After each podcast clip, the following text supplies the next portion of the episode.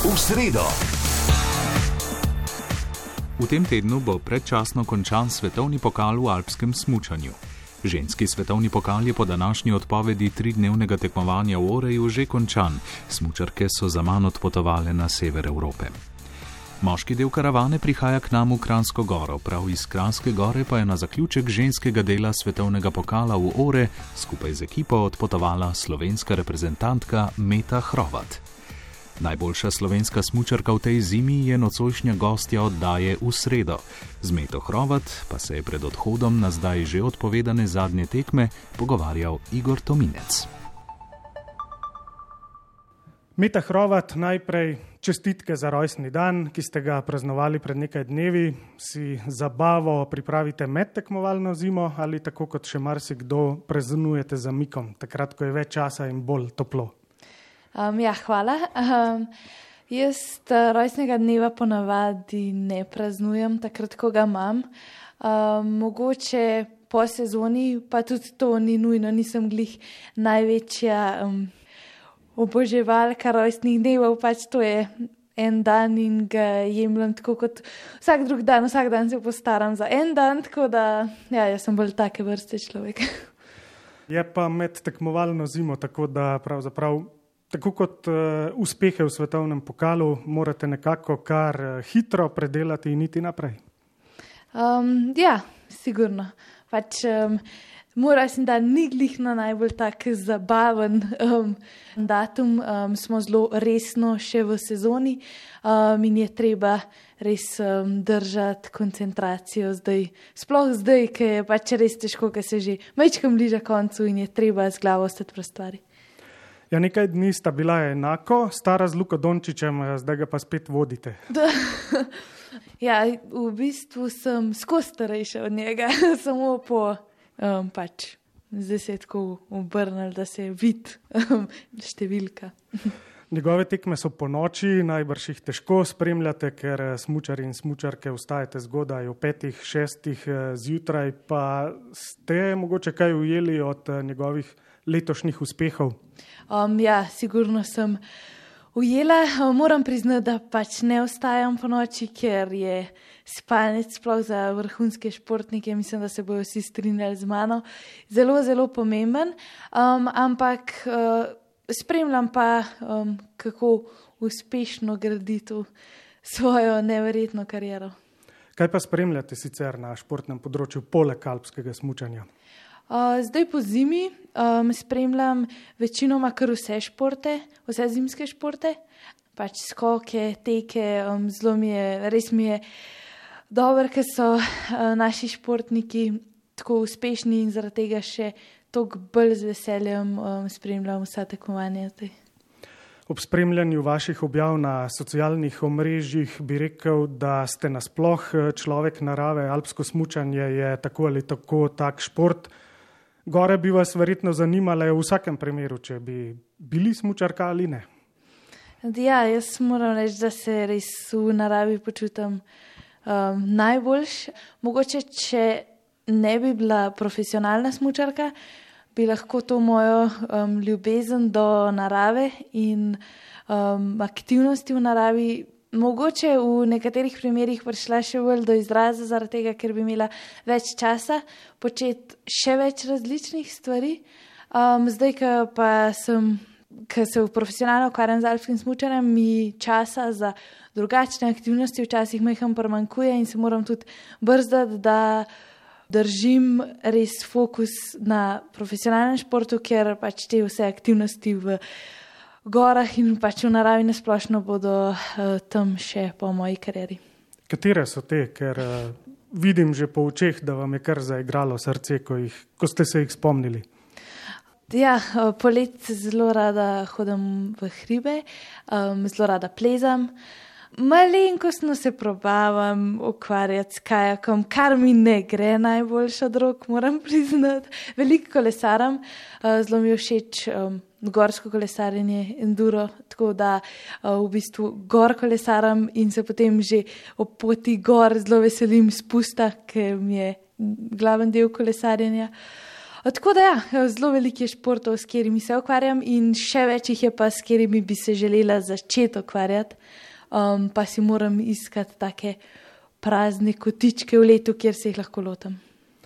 To gorsko kolesarstvo, predvsem spust, eh, si predstavljam, da je neka dobra stvar tudi za smočarsko koordinacijo. Ja, jaz res eh, se mi zdi, da lahko toliko enih usporednic um, potegnem z smučanjem in kolesarjenjem, predvsem na vzdolj, um, zaradi tega, ker uh, v zavojih je nekako zelo pomemben, kakšno linijo bereš, zato da, um, pač, da lahko dober in um, s hitrostjo speleš uh, zavoje, tako v smučanju kot v kolesarjenju. Tako da je zelo velik. Um, Zelo veliko koristnih stvari lahko potegnem iz kolesarskega dneva, za usmučar, za o, potem v povezavi s smučarskimi dnevi. Z trenerskega zornega kota pa ni odsvetovano gorsko kolesarstvo. Je, je odsvetovano zaradi tega, ker sploh, če si mogoče včasih majhen preveč upaš, um, potem lahko hitro pride do kakšne neumnosti. Ne vidijo mogoče najrajš, da um, se veliko ukvarjam s tem. Glede na vse našteto, ste se rodili kar v pravem kraju, eh, gore so vse povsod eh, na okrog vas, Kranske gore oziroma podkorena in izbire boste imeli do konca življenja veliko. Um, ja, v Kranski gori imam res veliko možnosti za ogromno različnih športov ne morem trditi, da bom ostala tukaj do konca življenja, mogoče me pot zanese kam drugam.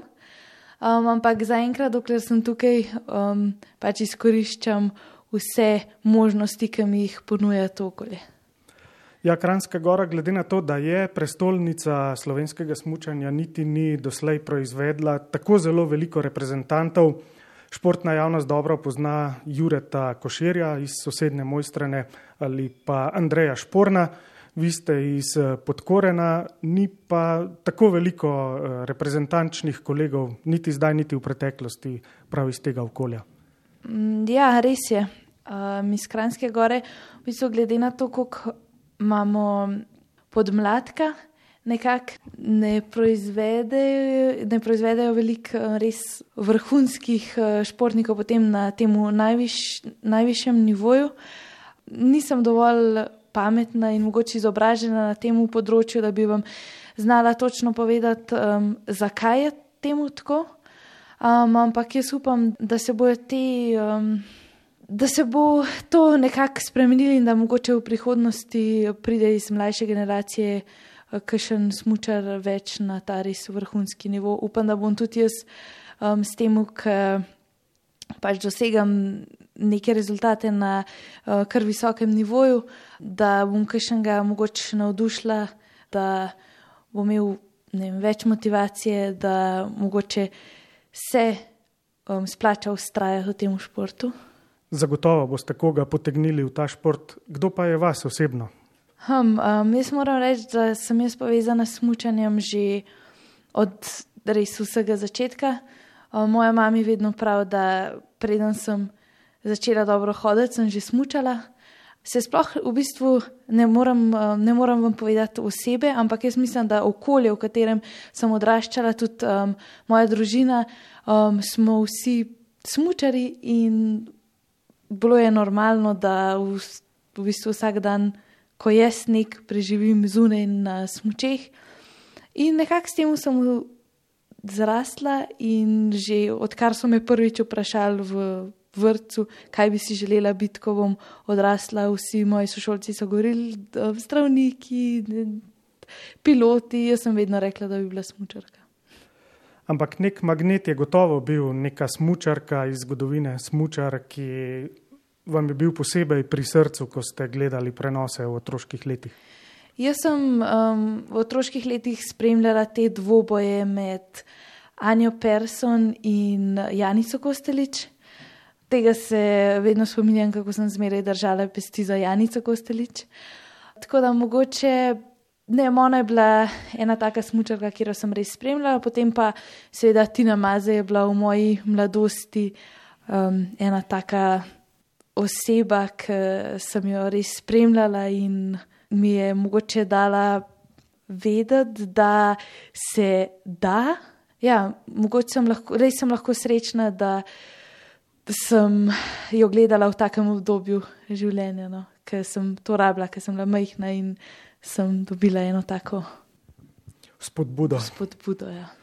Ena usporednica se mi je zdaj le porodila, ko ste omenjali Janico Kostelič, ki je sodelovala s trenerjem Juretom Hafnerjem, tako kot kasneje vi. Ali je to tudi bilo kaj s tem povezano, ali je enostavno bil trener, ki je bil na voljo vaši družini oziroma neki individualni ekipi?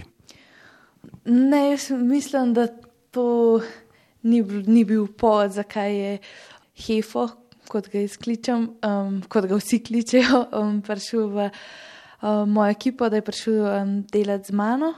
Um, v bistvu ga preden sva začela delati skupaj, nisem res poznala, nisem vedela, da je on delal z Janico Kostelič, tako da mislim, da to da ni ene hude povezave. Kateri trenerji pa so nasploh v karieri pustili največji pečat na vašem smočarskem znanju?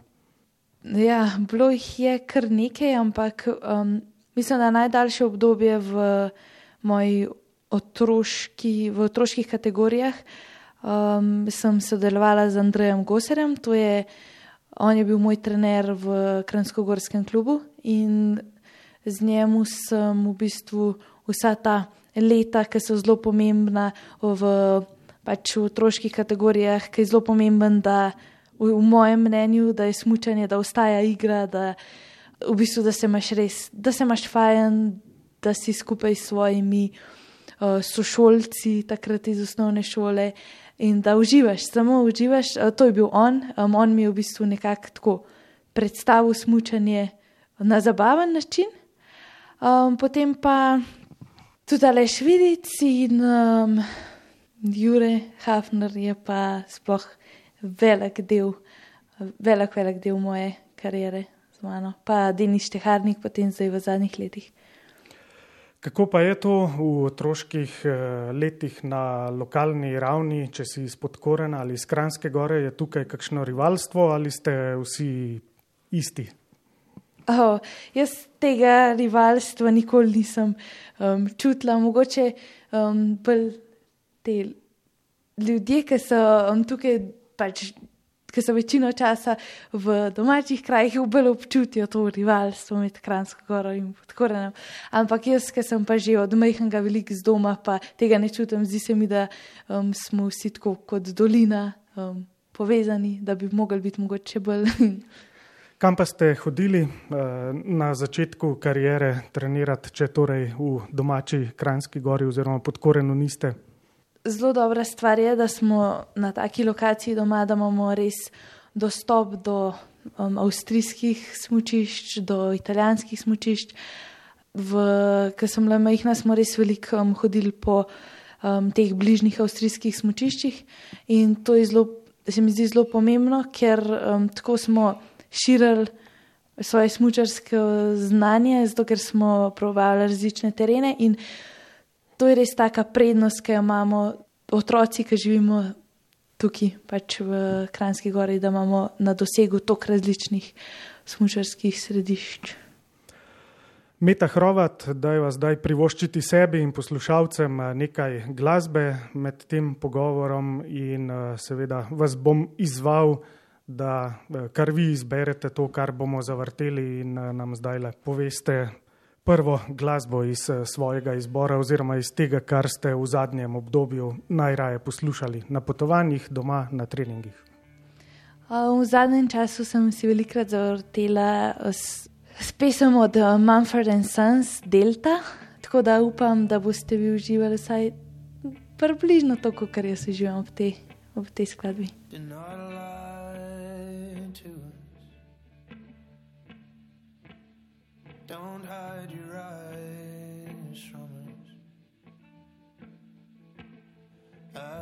Take this often cup I will sit upon your floor, tell your stories, tell of your pain.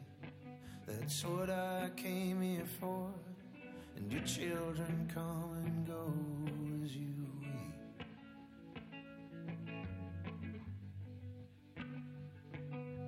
But what have I if I have not love? My words are empty vessels if I do nothing in this place. And we can scream into the shadows, and it's good that we can. But walk with me, I think we'll find a way. And walk with me, I think we'll find a way.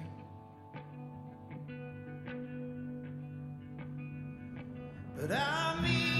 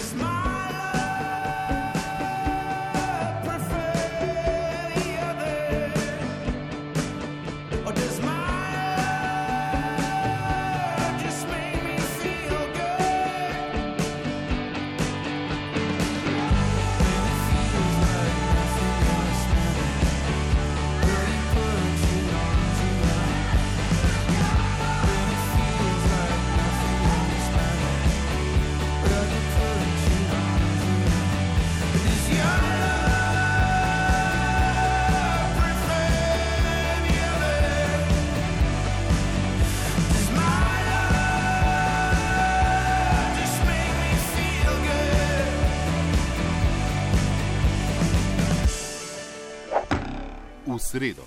Meta Hrovat, ste zadnja, oziroma bom rekel najmlajša svetovna eh, mladinska prvakinja iz slovenskih smočarskih eh, vrst, kar dvakrat v eh, slalomu, pa predtem še ekipno z reprezentanco. Pester spored tekmovanj na mladinskih svetovnih prvenstvih, kjer se vam je v slalomu poklopilo, v vele slalomu pa ne. Ja, um, res zanimivo, tako zdaj, ko pogledam nazaj, da se mi v bistvu vseh teh letih um, ni poklopil niti en veleslalom na mladinskih svetovnih prvenstvih. V bistvu me ljudje bolj poznajo kot veleslalomistko. Jaz sem se pa na mladinskih svetovnih prvenstvih večkrat dokazala kot slalomistka, kot super veleslalomistka. Ne vem, kaj točno bi to pomenilo, ampak zanimivo. Vse se bo še spremenilo na članskih svetovnih prvenstvih. Ja, upam, verjamem, da. Prej smo že omenila, eh, do lanske sezone ste imeli individualnega trenerja Jureta Hafnerja, čeprav ste bili članica reprezentance. Tukaj je šlo za nekakšno razdvojenost ali ne, oziroma kako ste videli to situacijo.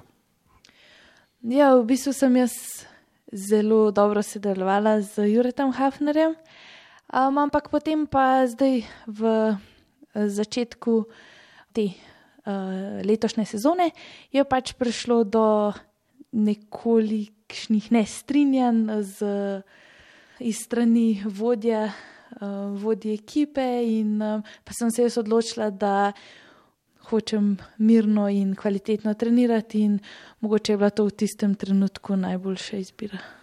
Torej, Janez Slivnik, o katerem govoriva, ni več dovolil individualnih trenerjev. V bistvu je ekipa, um, ekipa mora delovati tako, da je nekako res, uh, da je povezana, in če ni interesa iz strani vodje ekip, um, potem je pač um, nesmiselno se spuščati v ene konflikte, ker je vse na koncu najbolj pomembno, kvalitetno in mirno delo, da lahko v miru upraviš treninge brez konfliktov. No, sej Janez Livnik je izredno priznan trener, ki je eh, dosegel tudi prvih pet zmag eh, s Tino Maze, ki ste jo že prej omenili. Občutek imam, da ste prav vi bili ta oseba, zaradi katere je prevzel žensko reprezentanco, ker so najprej govorili o tem, da naj bi nekako zakrpal generacijsko luknjo pri moških. Kako to komentirate? Tega ne, ne bi mogla komentirati, da je prišel um, prav zaradi mene. Sigurno je si želel kvalitetno ekipo in nas punce dvigati na višji nivo nobena stvar ni večna, um, tako da delo z Denisom pač ni bilo večno in spremembe so vedno dobrodošle, vedno je dobrodošla ena svežina, potem pa pač se to pokaže, ali je dobro ali pač ni. Vedno omenjate ekipo, zanimivo, ker marsikdo misli, da je alpsko smutanje individualni šport, vi pa stalno omenjate ekipo. Ja, smutanje je individualen šport in tudi tako ga jemljem ampak vseeno se, se pa človek zelo dobro počuti, če ima s sabo um, ljudi, ki podobno ali pa še celo isto razmišljajo kot, kot jaz. In um, to je tako, da če gre ekipi dobro, se ena druga vlečemo naprej, uh, če mogoče kaj rizeš. Da ji v tistem trenutku ne gre najboljš, je zelo lepo, če druge članice lahko potegnejo naprej. Um, ja, to je ena taka prednost ekipe. Vseeno pa mislim, da je treba pač v smutnju predvsem gledati tako na sebe, da imaš zase dobre pogoje. Ja, ekipa pa deluje v letošnji sezoni eh, na ta način, kot ste povedali, eh, zelo povezano, da pravzaprav ni nobenih iskricaj na zunaj, se tako zdi, in da ste zelo dobra ženska reprezentanca. Ja, eh, letos delujemo v redu in upam, da, bo, pač, da bomo tako lahko sodelovali do konca sezone. Pri 12 letih na pokalu Loka ste že izjavili, to sem prebral v enem članku, da bi radi nastopili na olimpijskih igrah in osvojili zlato medaljo. Hitro so se vaši cilji izkristalizirali. Uh, ja, že kot zelo majhna sem bila zelo ambiciozna.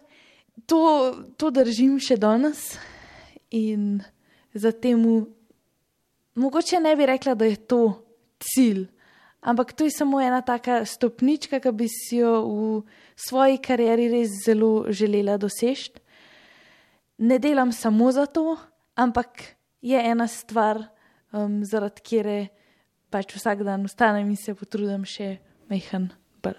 Ali vam v tej sezoni manjka, da ni velikega tekmovanja? Bi bil nek dodaten naboj, adrenalin? Mogoče je ta letošnja sezona je nekoliko um, prazna, bi jaz temu rekla. Mogoče imam občutek, da nekaj manjka, ampak treniram uh, in delam v, pač za ne, nekaj več uh, čez daljše časovne obdobje. Uh, tako da je mogoče, če mi je kdaj koristila prazna sezona, v narekovajih, uh, mi koristi letos. Ja, mogoče nekaj nihanj rezultatov v tej zimi in eh, je prav kakšen slabši rezultat lažje požreti potem, če razmišljate dolgoročno in odnesete nekaj tudi iz takih tekem. Ja, letos je res ogromno enih nihanj, res velik slabih rezultatov, potem nekoliko boljši rezultati in ko mislim, da sem že tam, da sem se že pobrala, da sem splezala iz te rezultatske krize, dobim nov udarc um, in je zelo težko ostati pozitivna. Potem se pa spet zgodi en dober rezultat in se mi vrne ta samozavest. Ampak mislim, da je letos taka dobra sezona, da, nje, da se iz nje nekaj naučim in grem lahko v naslednjo močnejša in z ogromno izkušnjami, dobrimi in slabimi. Vse, me pa, vse me pa delajo vsak dan močnejšo. Vi sodelujete s psihologom, psihologinjo? Uh, ja, sodelujem. In pomaga torej nekaj teh življenjskih resnic oziroma športnih resnic, ki vam pomagajo na poti. Mislim, da je to en tak dobrodošel člen v ekipi. Odkar delam z psihologinjo, sem se naučila kar nekaj takih uh, koristnih stvari, ki mi res pomagajo, predvsem takrat, kadar mi ne gre, ker takrat, ko ti gre, tega preprosto ne rabiš, ker um, misliš, da ti je čisto vse jasno in da vse delaš prav, potem pa, ko se ti nekaj zalom, pa res rabaš nekoga, ki ti pomaga razvozlati kakšno uganko in um, iti it dalje, dvigati glavo in iti dalje. Ne bom pozabil vaše izjave na Zlati lisici. Po tretjem mestu na domačem vele slalomu v svetovnem pokalu ste rekli, da ste si že zjutraj nekako zamislili, meta pred tabo je lep dan, pokaži, kaj znaš in to se je tudi uresničilo. Ja, um, Pritiska je pa, verjamem, pred tisto tekmo bilo največ v sezoni. Ja, ampak zanimivo je bilo, ker tisti dan pritiska nisem čutila, v bistvu je bil pritisk pozitiven. Kar vam ne morem čisto točno povedati, zakaj, ampak splet okoliščin je bil tak, da sem ta pritisk čutila samo pozitivno. Dan je bil res lep, v bistvu je bila najboljša stvar tistega dneva, da sem se prepustila, prepustila sem se dobremu počutju in se ne obremenjevala s tem, kaj bo. Zavedala sem se, da grem lahko tisti dan spat zelo slabe volje, tečna, lahko grem pa spat z enim odličnim dnevom za sabo in s tem sem se sprijaznila že zjutraj, šla v dan in ta dan je prinesel nekaj lepega. Kako pa spite pred pomembnimi tekmami? Trdno? Ja, jaz, jaz vedno spim zelo dobro. Razen po sobotni tekmi, moram priznati, da mi je šlo skozi glavo toliko misli, da, da vam spoh ne znam povedati. In tisto noč nisem spala najboljš. Drugače pa tudi pod pritiskom spim dobro. če obdelava še eno izkušnjo, ki ni bila tako lepa, to je pa ta uvodni uh, veleslalom v Seldnu. Samo še nekaj zavojev je manjkalo do tega, da dosežete prvi vrhunski rezultat v sezoni, pa se je potem malo prehitro vse skupaj končalo. Koliko, recimo, tak spodrsljaj potem vpliva za naprej v sezoni, ker eh, vem, da smo takrat slišali veliko mnen. Če bi bila zdaj na stopničkah, eh, bi se začel niz vrhunskih rezultatov, tako pa ste se morali ukvarjati s to nihajočo krivuljo izidov. Ja, mogoče bi se po dobrem rezultatu v Selnu nadaljevala odlična sezona, mogoče pa ne. Um, tega jaz ne morem vedeti, kaj šele ljudje, ki ugibajo v tem. Uh, moram reči, da jaz po tekmi v Selnu nisem bila razočarana, ker sem prvo vožnjo odpeljala tako, kot sem si jo zamislila, in sem sama sebi dokazala, da tudi če po celem poletju, ko ne tekmuješ, ko treniraš, pridem na tekmo in znam odpeljati dobro tekmo. Sem bila četrta po prvem teku, sem sama sebi dokazala, da sem sposobna in da sem tam. Um, potem napaka v drugem teku, pač napake se dogajajo. In jaz mislim, da zaradi enega zavoja, ko sem pač imela preveč teže na notranji smočki in sem zdrsnila, tik pred ciljem. Ne vem, če to definira mojo sezono, da je, je sezona polna, polna usponov in pacov. Lahko pa da, ampak tega nikoli, nikoli ne bom vedela, ne jaz, niti ljudje okoli mene. Je pa, verjamem, lažje iti z glavo na naslednjo tekmo, še posebej, če je veliko premora do naslednje tekme, eh, če je v Mauhi že rezultat, kot če ga ni. Ja, sigurno, sigurno, da je lažje. Ampak sem šla pa na naslednjo tekmo z dobrimi občutki, zaradi tega, ker sem naredila veliko dobrih zavojev. Potem naslednja tekma v Leviju se mi je totalno podrla, ampak zato res ne morem kriviti uvodne tekme v Selnu. Zdaj le bomo občutke izboljševali z glasbo. Še eno, drugo po vašem izboru. Zdaj si bom pa zaželela Kings of Leon Milk.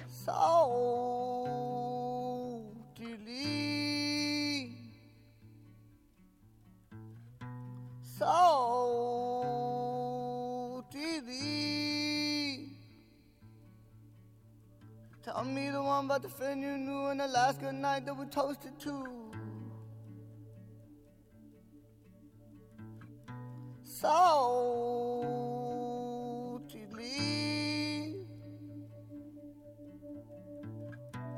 Stay for me. Stay for me. We drank wine in the matinee and the spotlight show what I chased away. Stay for me. My comb over her hourglass body. She had problems with drinking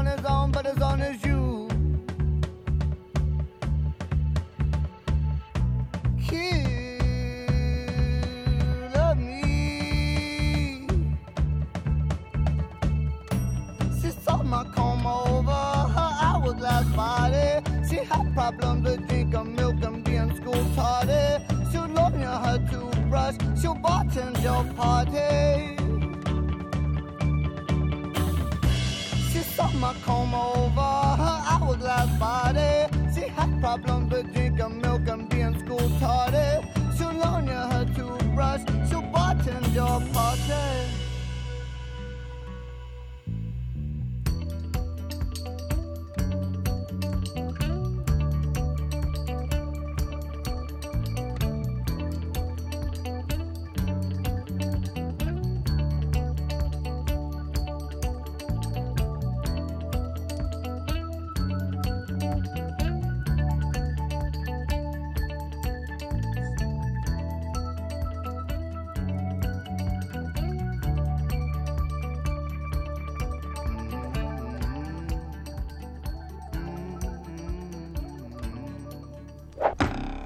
Sredo.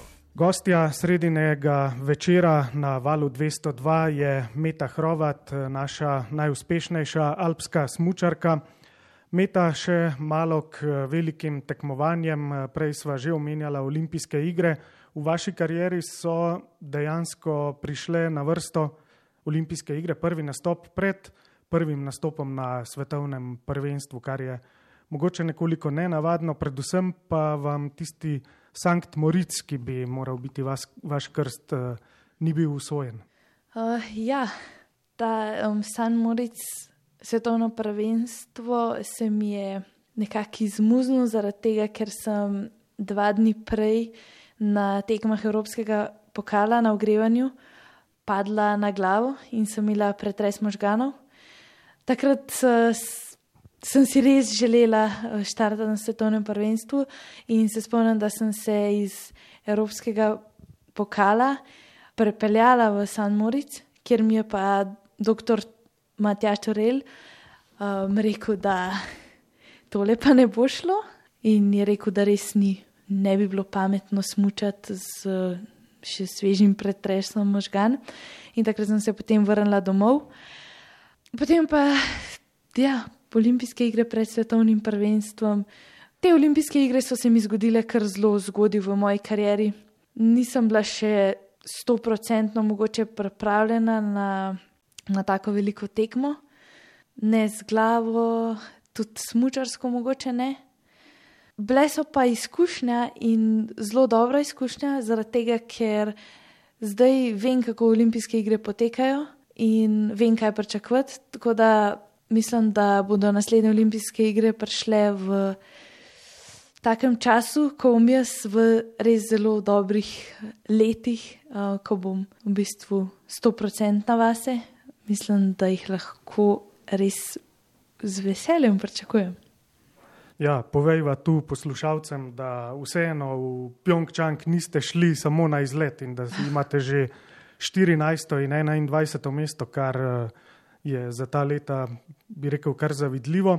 Eh, na lanskem svetovnem prvenstvu v Oreju pa vas je mučil gležen, tam pa, je bila pa to tudi precej oteževalna okoliščina. Ja, lansko letna sezona je bila, na kratko bi opisala, da je bila borba, zaradi tega, ker sem imela res hude bolečine vsakič, ko sem dala nogo v smučarski čevelj, vsaka tekma je bila Zjutraj uh, sem se pripravila, da sem dala nogo v smočarski čevelj, potem sem naredila nekaj vožen, da sem se pravadila, da me res fejs boli. Potem sem šla pa na tekmo. Um, in bilo je zelo težko, ampak sama sebi sem dokazala, da sem sposobna iti čez to, mogoče ni bilo, niso bile najbolj, nisem sprejela najbolj pametnih odločitev, pač kar iz zdravstvenega vidika gledano. Um, ampak zborvala sem do konca sezone in naredila nekaj zelo lepih rezultatov, katere, če zdaj pogledam nazaj, se jim lahko samo čudam. Večkrat sem že slišal, da vas mora kdo nekoliko, kako bi rekel, zavirati. Torej, na svetovnem prvenstvu v Sankt Morici je bil to dr. Turel. Serviser Robi Kristan pravi, da vas je v startni hišici pogosto treba umirjati, da imate preveč adrenalina v sebi. Skratka, ste kar neka temperana bomba. Ja, v štartnih hišicah me ponavadi more robi. Um, Boljše je, da me pomiri, um, kot da me, kot imajo nekatere smočarke in smočari, v bistvu veliko njih. imajo željo, da jih ne, seriji pomočniki, da jih res um, tako um, motivirajo, da jih napalijo, mi rečemo temu. Mene pa treba samo umiriti in potem smučam najboljš, ker imam veliko, ja, veliko imam adrenalina in um, jaz pa moram smučati mirno in sproščeno. In to dvoje je včasih zelo težko uskladiti in um, najti pravo mero vsake stvari. Tako. Ja, pri vas torej ne bomo spremljali tega dretja iz startne hišice za vami, ko se poženete na progo, kar je pri nekaterih primerih kar običaj in kar zabavno tudi. Uh, ja, mislim, da name to ne vpliva. Vsaj do zdaj nisem imela te prakse, da bi name to dretje vplivalo ne vem kako pozitivno. Ampak pri zelo velikih uh, smočarjih pa to zelo dobro deluje. Nikoli ne bom rekla, nikoli, mogoče pa, ko bom starejša, se bom um, umirila in se bo treba zelo, zelo na glas dreti štarta. Kaj pa premišljujete vi v startni hišici? Ali je takrat v glavi proga, konfiguracija ali so kakšne miselne vaje za umirjanje, za koncentracijo? Ja, jaz se v startni hišici predvsem moram umiriti, moram se prezemljiti in moram sprazniti glavo. Moj največji problem je, če imam v glavi stoj na eno stvar. Od tega, od vsakega zavoja na progi, do tega, eh, kaj trenerji, kaj drugi ljudje mislijo v mojem nastopu. Najbolj pomembno je, da to vse zbrišem iz glave. Kakšne dneve je to zelo lahka naloga in to naredim tako, zelo rutinsko. Jaz rečem, da spraznim glavo in grem sprazno glavo na štart, kakšen dan pa ne gre. In praznim glavo, ampak znova in znova v glavo prihajajo nove misli, ki motijo mojo zbranost in mirnost na štartu. Ampak mislim, da se tudi to z leti počasi učim. Seveda so pa še vedno dnevi, ko, ko mi ne gre tako, kot bi si želela. Ampak verjamem, da že po nekaj metrih na progi se vse tisto pozabi in ste drug človek, ste tekmovalka. Ja, večinoma, večinoma je tako. In najboljši občutek je, ko, ko se božena štarta, začutiš smoči, pozabiš na vse in samo proga je pred tabo, in vsak zavoj čutiš, kako gre. Iz zavoja v zavoj hitrejš, kako dobivaš hitrost, kako je vse v bistvu enostavno. Um, ampak ni vsak dan tako.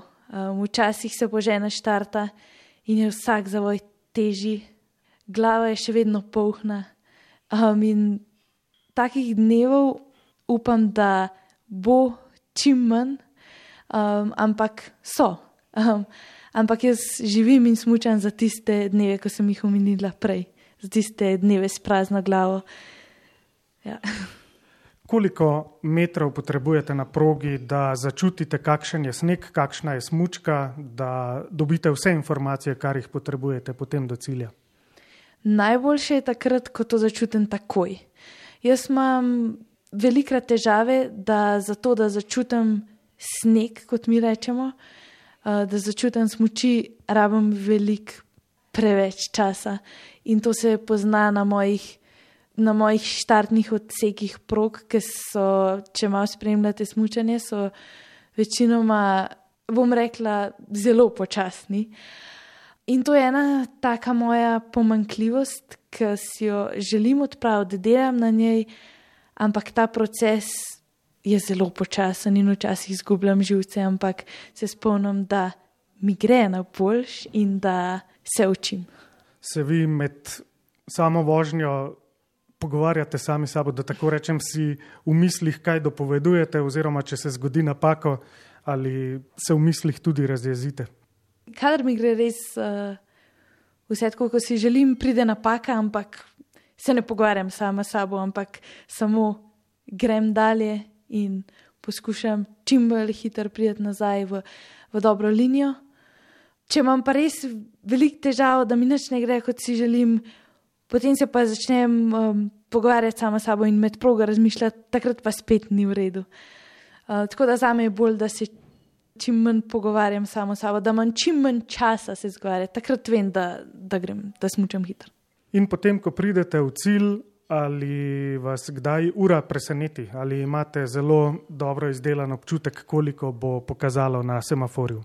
Večino časa imam kar dosti dober občutek, včasih pa me preseneti. Mislim, da ni smučarja, ki bi lahko rekel, da ima vedno prav, ker včasih je postavitev ali pa podlaga takšna, ki, na kjer imaš mogoče res odličen občutek, pa prideš dol in vidiš, da si res počasen. Pridejo taki dnevi, ko te preseneti ura, ampak moram reči, da se res ne zgodi zelo velikrat. V tej sezoni ste dobili še eno močno eh, plat v svoji smučanju, to so paralelne tekme. Očitno, kar namenjate temu tudi pozornost.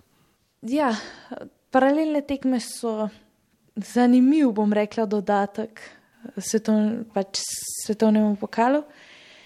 So ena taka, pos, so posebne. Niso, to ni klasično alpsko smučanje, uh, tudi mogoče ne pokažejo ravno najboljšega smučarja, ampak mogoče tudi smučarja, ki ima mečken več sreče, ti si dan od ostalih, ki je dober v štartu, ker štart je zelo pomemben.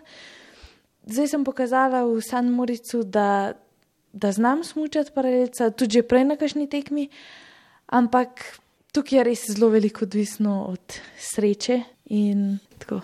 Koliko pa se vi dejansko pri sebi bojite tega koronavirusa, ki zdaj grozi celi zemeljski obli? Iskreno, bojim se samo zato, ker če bi zdaj zbolela, res ne bi bilo dobro, zaradi tega, ker nas čaka zelo pomembnih tekem in iz tega vidika se ga zelo, zelo bojim. Tako kot se bojim viroze, navadne gripe, česar koli, pač zdaj res ni čas za zbolet. Uh, kar se pa tiče virusa na splošno, pa mislim, da ni treba delati panike. Imate kakšna jasna navodila strani vodstva reprezentance ali kakšnih drugih institucij, kaj je treba početi, česa se ne sme? Jaz mislim, da že kot majhni otroci bi se mogli vsi naučiti, da je treba umivati roke, da je treba umivati roke redno. Jaz mislim, da bi to mogli vsi odrasli ljudje dobro vedeti. In to, da nam morajo zdaj posebej poudarjati, je pač um, ena taka, tak ukrep, ki bi ga več mogli že vedeti, ampak zdaj treba še meham pretiravati s tem umivanjem rok, razkoževanjem rok, predvsem iz kakšnih telovadnic, ko se res dotikaš vseh stvari, um, gondole, tako da ja, umivanje rok, drugače pa ne objemanje z ljudmi, če ni potrebno. Če je pa potrebno? Um, potem pa naredimo izjemo. Meta Hrovat, eh, ostanite nam zdravi, ne samo do konca sezone, tudi naprej. Naj eh, vas spremlja sreča in dobri zavoji. In preden eh, končava tale pogovor, še en odmik v glasbene vode. Spet bom zbrala Mumford and Sons, tokrat pa z naslovom 42. Hvala lepa za vaš čas. Hvala.